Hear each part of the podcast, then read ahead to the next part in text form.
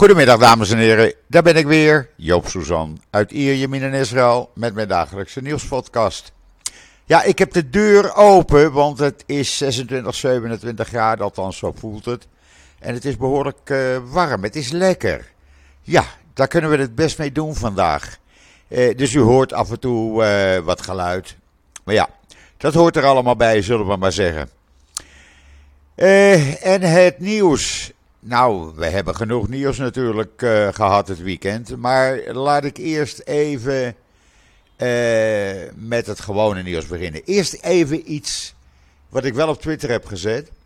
Uh, de opperste religieuze raad van de Druzen heeft besloten om alle vieringen van de profeet uh, Shuab te annuleren. Omdat die plaatsvinden op Memorial Day, de dag voor gevallen IDF-soldaten, dinsdag over een week. Uh, en men doet, dat uit respect voor de gevallenen en hun families. Kijk, zo kan het natuurlijk ook. Ik vind dat keurig. En dan heeft uh, de IDF weer voor 3 miljoen shekel, pak een beet 736.000 euro aan drugs in beslag genomen. 7,5 kilo bij de grens met Egypte. Uh, dat is weer een goede vangst geweest. Die kunnen voorlopig niet de markt op, zullen we maar zeggen. En dan uit een peiling, vrijdagavond, wordt er op Channel 12 nieuws altijd een peiling gehouden. Uh, daar blijkt uit dat 58% van de bevolking het niet eens is met de bewering van Netanyahu dat alles de schuld is van de regering Lapid Bennett. Uh, maar dat niet alleen. Uh, ook een grote meerderheid is, uh, ja, die ziet graag Lapid als premier in plaats van Netanyahu. en wat komt daar nog meer uit? Ja, je kan het allemaal lezen in israelnieuws.nl, want ik heb de hele peiling erin staan. Onder de kiezers van het anti-Netanyahu-blok was 89% het niet met zijn beweringen eens. En onder uh, de kiezers van uh, het Netanyahu-blok. Zeg ik het nou goed? Nee, onder de kiezers van het anti-Netanyahu-blok. 89% niet eens met Netanyahu. En onder zijn eigen kiezers 57% was het daar niet mee eens. ja, wat komt daar nog meer uit naar voren? Uh, uit de steekproef blijkt ook uit die peiling dat 45% van de bevolking vindt dat uh, Bennett Lapid het beter deden dan Netanyahu. Daar denkt maar 35% van dat hij het goed doet. Uh, en zo zijn er nog meer interessante percentages uit deze peiling naar voren gekomen. Wat hebben we nog meer? De kosten van levensonderhoud. Uh, daarvan zegt uh, eh, 73% dat uh, de regering, de huidige regering, het verkeerd aanpakt, het economische probleem. 21% denkt dat, die, dat Netanyahu het wel goed doet. ja, en zo kunnen we nog wel even doorgaan. Het is een hele interessante peiling geweest, vind ik zelf. Juist omdat die avond ook bekend werd, kort daarna, dat Moody's het, uh, ja, uh, de vooruitzichten voor Israël heeft gewijzigd. Men uh, heeft het van positief naar stabiel gebracht. Dan kan je wel zeggen, ja, nou, dat is toch nog, nog goed. Jawel, maar het is toch een stapje terug en daar was iedereen bang voor. En wat moet je daar nou mee doen? Wat moet je daar nou aan doen? Ja, Netanyahu zegt, uh, ze geloven alleen maar verhaaltjes die er op de mouw, worden gespeeld, gespeld. Ze weten niet hoe het echt in elkaar zit. Nou, die Moody's, dat zijn echt geen domme jongens, uh, lijkt me zo. En dit zal heel veel high-tech problemen en start-ups in de problemen gaan brengen. Uh, eh, 83% van de start-ups hadden al gezegd dat ze daardoor moeite zullen gaan krijgen met het aantrekken van financiers betekent dat ze of moeten sluiten of naar een ander land moeten gaan, Amerika of Europa. En er zullen een uh, ja, groot aantal high-tech bedrijven mag worden verwacht dat die plannen gaan maken om Israël te verlaten, althans niet meer in Israël uit te breiden. Herzog en president Herzog en premier Netanyahu hebben de afgelopen week verwoede pogingen in het werk gesteld door met hoge pieten van Moody's te praten. En te zeggen van jongens, jullie hebben het allemaal verkeerd. Maar dat heeft totaal niets uitgehaald. Uh, en dan, uh, ja, dan hoor je nog uh, tot en met afgelopen donderdag Netanyahu en minister van Financiën Smotrich zeggen dat de juridische hervormingen zo goed zijn voor de economie. Nou, dat blijkt dus niet te werken, want het wordt dus ook niet geloofd. de kredietwaardigheid van Israël blijft ongewijzigd, gelukkig. Die blijft op A1 staan. Wat de vooruitzichten voor de toekomst zijn, weet Moody's niet. Uh, men, ja, men denkt dat het in de nabije toekomst toch wel zal worden verlaagd. Uh, in april 2022 verhoogde Moody's de vooruitzichten voor Israël van stabiel naar positief. En dat is dus uh, ja, in een jaar tijd helemaal teniet gedaan. En dat is zonde voor al die bedrijven. Ook zonde voor uh, een heleboel winkelbedrijven, want die zagen erbij al hangen. Die zijn al een paar keer bij Netanyahu geweest van doe dat nou niet, doe dat nou niet. Uh, die juridische hervormingen. Uh, want dat geeft onrust, dat zegt Moody's ook trouwens. En mensen worden dan voorzichtig met kopen. Ja, dat zal dus ook wel nu een rol gaan spelen.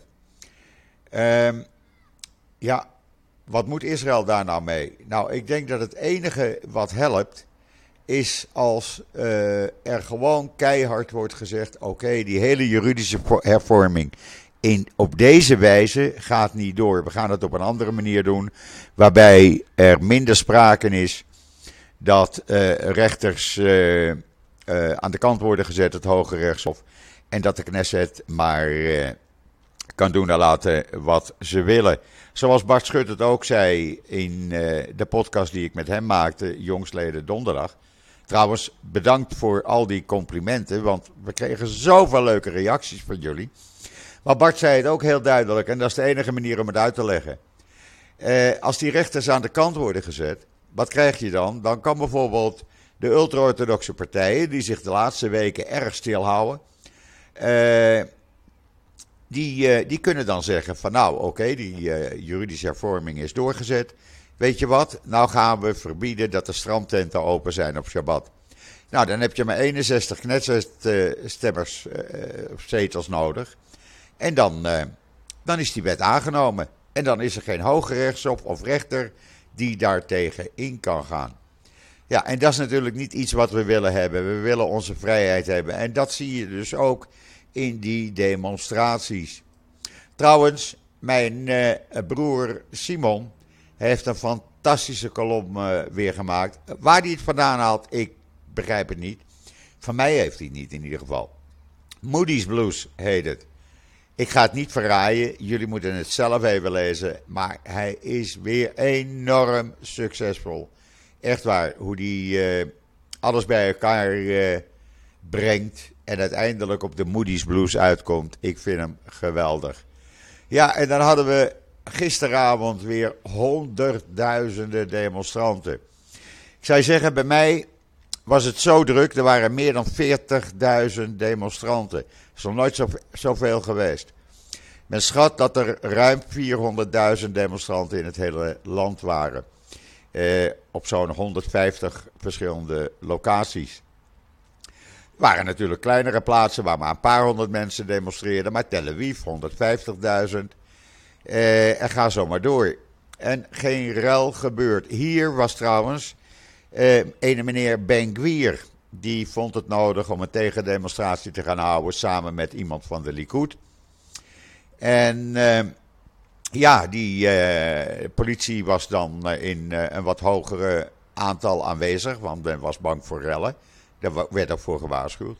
Maar ze hadden het hele gebied uitgebreid waar de demonstratie bij mij plaats zou vinden. Uh, en Ben Gwier wist natuurlijk van alles en nog wat te vertellen. Maar er waren maar 300 uh, demonstranten uh, met hem meegekomen. Vergeet niet, Natanja is een Likud-bolwerk. Al tientallen jaren is Likud hier in een royale meerderheid bij elke verkiezingen. En als je dan ruim 40.000 mensen bij elkaar krijgt die tegen de regering stemmen, althans tegen de juridische hervorming, dat is nogal wat. Dat betekent dat er een heleboel Likud-leden of uh, Likud-stemmers bij zitten. En je ziet ze ook met keppeltjes lopen. Je ziet ze ook een beetje orthodoxer die ook meedemonstreren.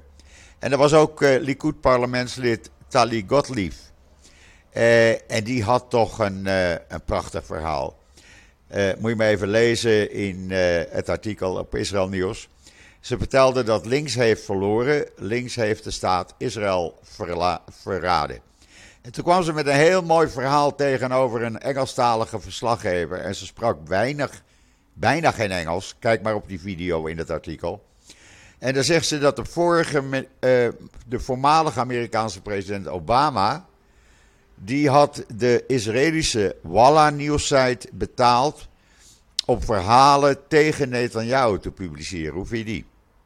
Waar haal je het vandaan, zou ik dan zeggen. Maar goed, als het uh, geloofd wordt. En voor de rest waren de grote demonstraties in Haifa, Ranana, Rishon Sion, Eilat, Kwarsaba, Jeruzalem, nou ja, noem maar op. Het gaat gewoon door. Uh, en dat zal pas stoppen op het moment dat, uh, ja, dat men zegt: oké, weet je wat, in deze vorm gaat die wetswijziging niet door. In de Engelstalige Ynet kan je trouwens een heel interessant artikel lezen hierover. en die zegt: de economen van Moody's lieten geen twijfel bestaan over de reden voor het verlagen van de prognose van Israël.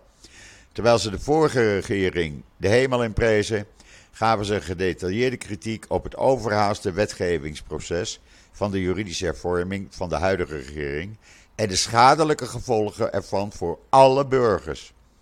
Maar ze legden de nadruk erop dat het nog niet te laat is om het roer om te gooien. Natuurlijk kan elke regering eh, de voorganger eh, de schuld geven. Dat doet Netanyahu ook. Die loopt al weken te roepen. Alles waar we mee te maken hebben, terrorisme, eh, de economie. Het is allemaal de schuld van Lapid en Bennett. Maar wat hebben ze nu in die honderd dagen gedaan? Eh, als je kijkt naar eh, het rapport van eh, Moody's, dan, ja, dan kan je zeggen: sorry, jullie moeten de schuld bij jezelf zoeken. Het rapport is scherp en duidelijk. De economen van Moody's prijzen expliciet, de economie van de staat Israël tijdens de dagen van de vorige regering. En ze hebben nu dus kritiek. En dat heeft alleen maar te maken met die juridische hervormingen in deze vorm. Je kan het natuurlijk aanpassen, maar doe dat dan op een andere manier zodat je niet het hoge rechtshof en elke controlerende instantie aan de kant zet. En je kan doen en laten als je, wat je wil als regering.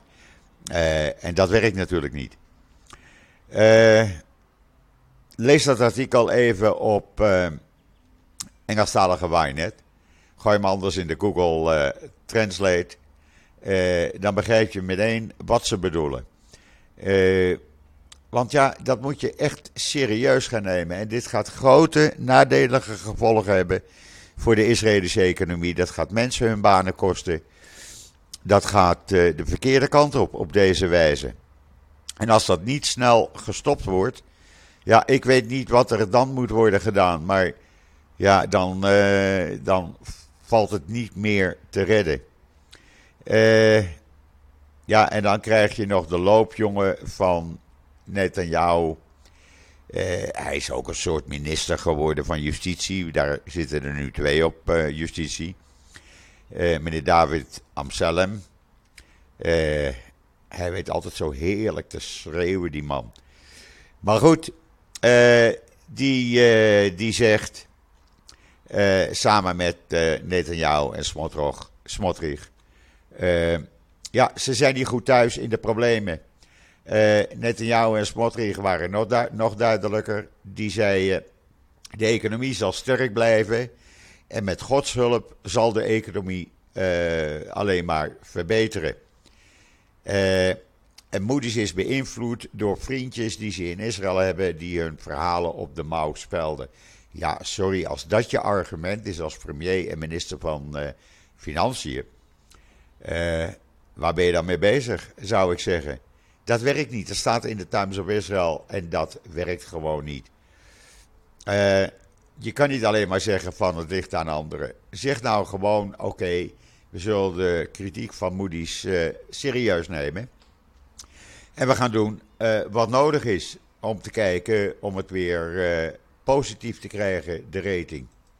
En dan zegt die meneer Salem, die komt met nog een mooi verhaal. Die zegt, we hebben nu Moody's gehad. Nou wordt het tijd om uh, uh, de twee uh, topjuristen voor het gerecht te brengen. Want Aaron Barak en Esther Ayoud, die moeten aangeklaagd worden voor een poging tot staatsgreep. Nou, heb je het ooit zo zout gegeten? Ik niet. Maar dat weet deze zogenaamde minister van Justitie, want wat hij daar eigenlijk uitspookt, weet geen mens. Maar eh, die zei dat dus uitgebreid op televisie vrijdagavond. Eh, hij was vroeger brandweerman trouwens. Eh, misschien kan hij eh, deze brand ook gaan blussen. Eh, je gaat toch niet zeggen dat de twee topjuristen van Israël, eh, plus voormalig premier Ehud Barak, dat zijn de mensen die uh, met een staatsgreep bezig zijn en die moet je voor het gerecht brengen. Ja, sorry hoor. Ik, ik weet niet of ik nou moet lachen of dat ik het nog serieus moet nemen, maar dit gaat steeds gekker worden. Echt waar. Uh, we zullen zien wat dit gaat worden. Je kan dit hele verhaal trouwens lezen in Times of Israel. vorige maand had Amsterdam al gezegd dat de dag zal komen dat talloze personen zullen worden onderzocht en vervolgd voor hun aandeel in de landelijke protesten. Dat mag dus ook niet meer. Je mag niet meer demonstreren van hem. En hij eh, waarschuwde toen ook de politiecommandant van Israël, Sabtai, uh, hou er rekening mee, ook jij komt, uh, uh, zal worden vervolgd. Nou ja, ik weet niet waar deze regering mee bezig is, maar goed, dat was even de politiek. Ja, en dan is er nog een terugslag voor uh, Netanyahu. Want vandaag is er een hoge topdelegatie van Hamas bij de Saoedi's op de koffie of op de thee. Of misschien eten ze een zwarmaatje. Maar ja, die gaan de banden proberen te verbeteren. En dat is de tweede tegenslag voor Netanyahu. Uh, nadat uh, de diplomatieke betrekkingen tussen Iran en Saudi-Arabië weer hersteld zijn na 7, 8 jaar. Want Netanyahu had bij zijn aantreden beloofd: het eerste wat ik ga doen is de diplomatieke banden met de Saoedi's proberen aan te knopen. Nou, uh, Iran vriendjes, Hamas vriendjes. Nou, dat gaat natuurlijk helemaal verkeerd. Uh, Saoedi's en Hamas zijn jaren uh, niet on speaking terms geweest. Uh, een aantal jaren geleden werden er nog veel uh, Hamas-terroristen opgepakt in Saudi-Arabië. Maar goed, dat schijnt nu allemaal weer verbeterd te zijn. Ismail Haniyeh gaat er, zit er nu. Marshall zit er. Het zijn allemaal de toplui. Uh, en dan komt er nog eentje uit Londen. Een meneer Al-Arabi Al-Yadid. En eentje uit Jordanië Al-Gad. Nou, dat wordt een uh, gezellig gesprek, zullen we maar zeggen. En wat hebben we dan nog meer? Nou, dan hebben we nog veel meer. Want er is vanmorgen bekend geworden. Dat die staking een paar weken geleden, waarbij het vliegveld uh, opeens plat ging. Dat was in uh, coördinatie en eigenlijk in opdracht van Netanyahu. Je zeggen, hoe kan dat nou? Ja, op die manier. Kijk, Netanyahu had toen net uh, Galant ontslagen. Hij is nu weer terug. Hij is nu weer minister van Defensie. Maar ehm, Toen was iedereen zo kwaad. En ja, Netanyahu wilde de juridische hervormingen voorlopig even pauzeren. En dat kon hij alleen maar doen als er een algemene staking was. Dus heeft hij met de Histadroet even een algemene staking georganiseerd. Ze hadden dat allemaal afgesproken. Het zou een paar uur duren. En dan gaan we weer allemaal werken. Nou, zo is het gegaan. En dat is uh, vanmorgen bekendgemaakt op een zitting van het Centrale Comité van de, de. Waar de airport uh, voor een ja, een tribunaal moest komen. Een verklaring afleggen. En die heeft dat dus helemaal uitgelegd. Nou, dan weten we dat ook weer. En dan Saudi-Arabië is miljoenen dollars in Israëlische start-ups aan het investeren. Dat doen ze via grote Amerikaanse fondsen. Uh, of ze dat nu nog blijven doen, uh, nu Moody's uh, de rating heeft verlaagd, is niet bekend, dit is een artikel van afgelopen vrijdag. Het gaat om enkele tientallen miljoenen dollars. Je kan dat lezen in de Engelstalige Globes. Ik heb de link op Twitter gezet. En dan Holocaust Remembrance Day. Maandagavond begint het. Dan gaan we alle 6 miljoen vermoorde Joden herdenken. En dat gebeurt hier altijd met een uh, fakkel aansteken op maandagavond en een luchtalarmsirene dinsdagmorgen om 10 uur. Ik zal jullie proberen mee te laten luisteren dan. In ieder geval, uh, hoeveel Holocaust survivors, overlevenden, leven er nog? Dat waren er bij het begin van dit jaar 147.189. Waarvan er 462 100 jaar of ouder waren. Dat vind ik nogal een prestatie. Uh, onder die uh, overlevenden zijn 521 nieuwe emigranten uit Oekraïne. Die verleden jaar als holocaust-overlevenden werden uh, erkend. De jongste overlevenden zijn 76 jaar en geboren in 1946. Uh, maar die, uh, nou, die eigenlijk, de moeder was zwanger gedurende de laatste maanden van de oorlog, laat ik het zo zeggen. En die worden dan ook erkend.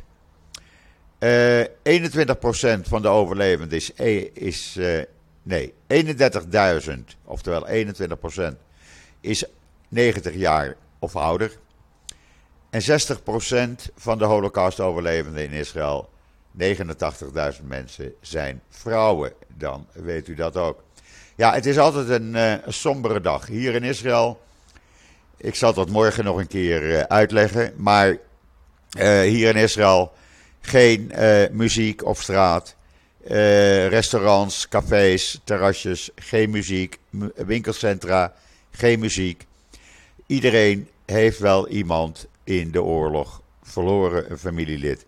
Ik zelf uh, praat dan in totaal over 337 directe en indirecte familieleden. En dat is nogal wat. En dan ben ik best des te trots dat mijn ouders, die kwamen uit de onderduik, uit de onderduik terug. Ja, de ondergedoken gezeten in Horst Zevenum, Horst Amerika. Eh, samen met uh, de wederzijdse ouders en de zuster en uh, man van mijn moeder. En die kwamen met niks uit de oorlog terug. En hebben toch een, uh, een familie weten op te richten. Dat is toch fantastisch. 31 uh, uh, achterkleinkinderen zouden mijn ouders gehad hebben. Dat vind ik fantastisch. En dan heeft de generaal van het centrale commando op uh, de Westbank die is bij de nabestaanden van moeder en dochters die geweest bij Rabijn Die in Efrat. Uh, en hij, uh, hij heeft gezegd, eigenlijk hebben wij gefaald. Wij hebben gefaald in onze missie om jullie moeder, jullie vrouw, jullie zusters, jullie dochters te verdedigen. En hij uh, bezwoor de familie dat het leger niet zal rusten voordat de moordenaars gepakt zijn. Die klopjacht die vindt nog, plaats, nog steeds plaats. En hij ja, is er heel druk mee. Ik hoop dat ze gauw gepakt worden. En er waren gisteren was de ceremonie van het heilige vuur. En die is onder bewaking van ruim 2000 politieagenten gegaan. En dat is eigenlijk zonder veel noemenswaardige problemen verlopen. Ja, er waren wat mustelingen van mensen die erin wilden, maar het was vol. Dus die konden er niet meer door. En die pikten dat niet. Dat was het enige eigenlijk. Het is hartstikke goed gegaan. Je kan het in alle Israëlische kranten kan je het lezen. En dan eh, iets heel bijzonders. Een heel bijzondere fonds. En dan juist in deze tijd. In uh, Engeland uh, is een, 80 jaar oude tube Tsjechische tandpasta opgegraven in het Engelse Lake District. Dat is gebeurd in Galgard Estate, uh, waar 300 Joodse weeskinderen verbleven, die uh, in 1945 uit Praag naar Engeland werden overgebracht. En dit is een van de weinige spullen die ze gevonden hebben is wel heel bijzonder. Staat in de Times of Israel. En dan, uh, ja, gisteren hebben een heleboel mensen, ik heb het niet gehoord hoor, ik zeg het eerlijk. Uh, een heleboel mensen een explosie gehoord. En wat bleek, er ging een uh, meteoor boven Israël en die ontplofte. Je kan het zien op een video in de Jeruzalem Post. Het gaat heel snel, maar een heleboel mensen schijnen het gehoord te hebben. Om een uur of vijf onze tijd, vier uur in Nederland. En dat was een, eh, een hele harde boom. Uh, en trouwens, nu we het toch over de ruimte hebben, zet het vast in je agenda. 20 april. 20 april is er een hele rare, hybrid, ringvormige, totale zonsverduistering. Verduistering. Althans hier. Ik weet niet of het ook in Nederland is, maar hier in de Jerusalem Post staat het. Uh, hij, uh, hij zal worden gezien uh, sowieso in Australië, Azië, Stille Oceaan, maar waarschijnlijk ook in het Midden-Oosten. Nou, ik hoop dat we een gedeelte kunnen zien. Ik vind dat altijd wel iets bijzonders. Het is een, een pad van 49 kilometer breed, dus noteer het vast. Uh, en wat hebben we nog meer? Ja, we zijn er nog niet. Israël gaat uh, vanaf vandaag uh, een aantal openbare gebouwen in het geel verlichten. Geel, de kleur van de Jodenster die de mensen tijdens de oorlog moesten dragen. En ter herinnering daaraan, ter gelegenheid van Holocaust Day, worden een aantal openbare gebouwen door het hele land twee dagen lang in het geel verlicht. Ik vind dat een heel goed initiatief. Uh, dan uh, wordt, wordt, iedereen zich er bewust van, zullen we maar zeggen. Uh, ja, dat was het eigenlijk. Oh ja. nee, dat was het eigenlijk voor vandaag. Ik heb al het belangrijke nieuws met jullie doorgenomen. En uh, ja, vanavond natuurlijk weer uh, even Ajax kijken. Uh, Feyenoord heb ik van de week gezien. Afgelopen donderdag. Ik vind dat toch wel makkelijk zo. Goed, wens ik iedereen nog een hele fijne voortzetting van deze warme zondag, de 16e april. ik ben er morgen weer en zeg zoals altijd: tot ziens, tot morgen.